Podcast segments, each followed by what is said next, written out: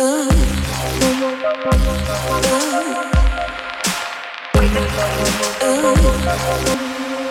dobry wszystkim. Podcast. Seks dobry wszystkim. W dzisiejszym filmie odpowiemy sobie na ważkie pytanie, y, które przewija się w życiu każdego człowieka. Chociaż im jest starszy, tym mniej ono się przewija, ale jak jest młodszy, to częściej. Y, mianowicie pytanie, kiedy nie wypada odmówić seksu?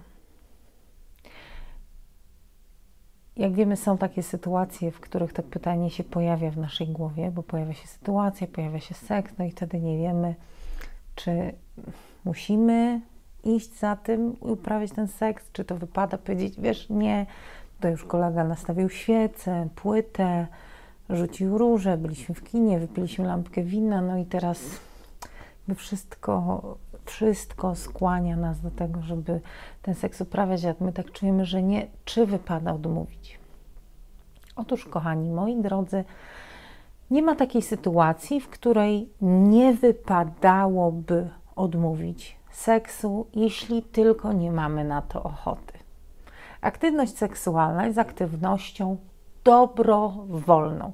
Jakakolwiek aktywność seksualna, która nie jest dobrowolna, jest albo molestowaniem, albo gwałtem e, w grubszej wersji e, lub wykorzystywaniem, no molestowaniem, wykorzystywaniem swojej pozycji. Innymi słowy, e, seks, w którym nie ma ochoty, chociaż jedna strona, nie powinien się odbywać. Każdy z nas ma prawo zdecydować o tym, czy chce uprawiać seks. Każdy z nas ma prawo zdecydować o tym, kiedy chce uprawiać seks, z kim chce uprawiać seks. I każdy z nas, każdy z nas, mężczyzna, kobieta, e, czy też inna płeć, każdy z nas ma prawo w dowolnym momencie po prostu powiedzieć jednak nie. Nie jesteśmy dłużni nikomu seksu. O tak.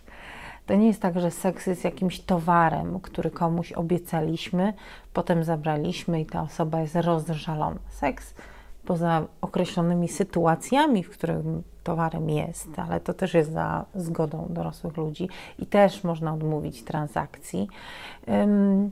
Seks nie jest towarem czy cukierkiem, który komuś obiecamy i jak odmówimy, to ten ktoś ma prawo mieć do nas pretensje.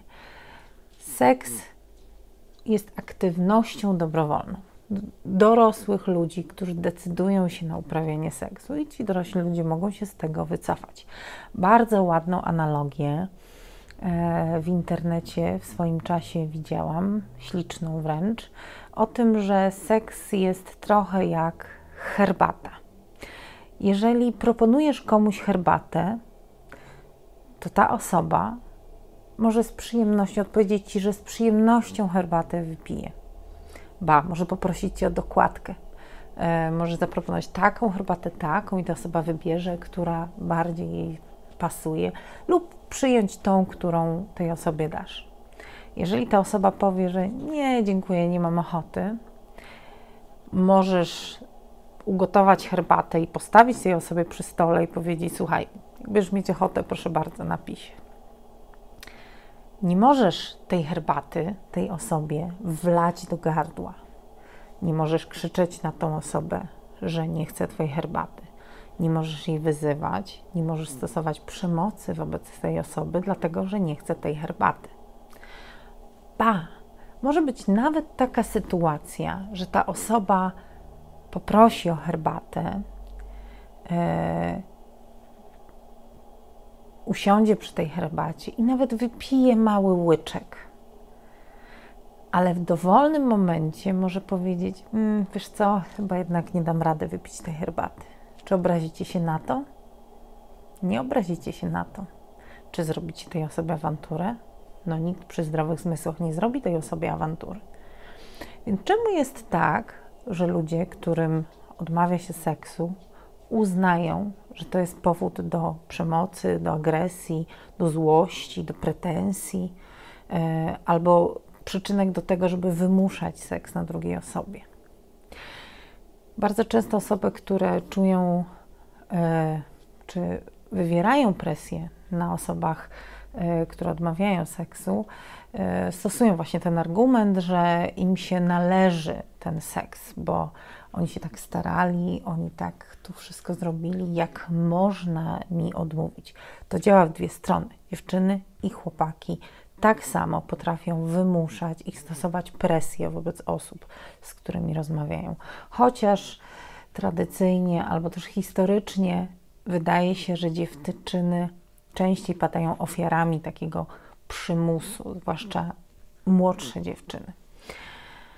Natomiast prawdą jest, że i dziewczyny, i chłopaki mają takie same prawo odmówić i nie mają takiego samego prawa wymuszać na drugiej stronie aktywności seksualnej, jakiejkolwiek, tak jak przysłowiowej herbaty. Więc jeśli w następnym, następnej, na następnej randce albo przy okazji następnego spotkania ym, będziecie mieli ochotę na coś więcej, potraktujcie to jak przysłowiową herbatę.